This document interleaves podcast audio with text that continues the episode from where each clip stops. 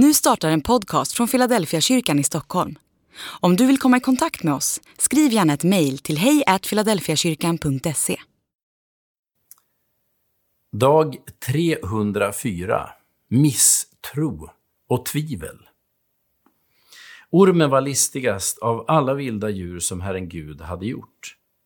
Den frågade kvinnan, har Gud verkligen sagt att ni inte får äta av något träd i trädgården?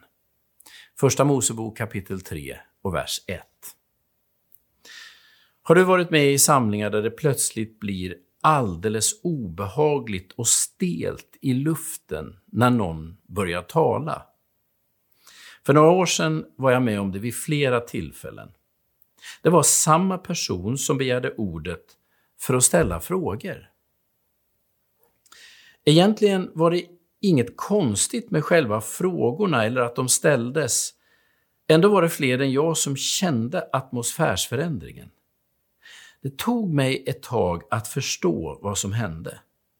Det verkade så harmlöst med frågorna ända tills jag insåg att personen egentligen inte ville höra svaren. Han ställde bara frågorna när han själv hade ett genomtänkt svar och när han trodde att han hade ett klart kunskapsövertag.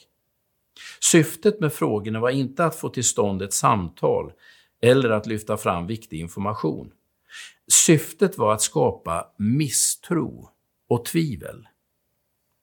Han skulle aldrig ha frågat om han inte själv trodde att han visste svaret. Frågan var egentligen inget annat än en fälla. Har Gud verkligen sagt att ni inte får äta av något träd i trädgården? Det låter som en försynt och lite trevande fråga. Men det är inte så att ormen inte vet svaret. Tvärtom. Ormen frågar inte för att få höra vad Adam och Eva tänker. Inte heller ställer ormen frågan för att han saknar information.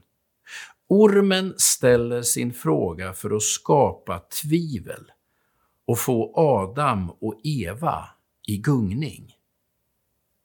Vi människor har ibland en otrevlig tendens att utnyttja vårt övertag i kunskap för att göra andra osäkra eller missmodiga.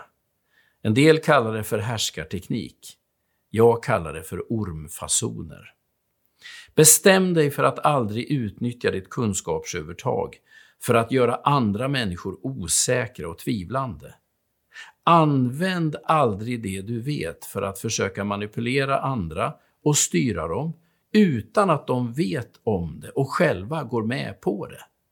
Med andra ord, håll ormen i dig i schack.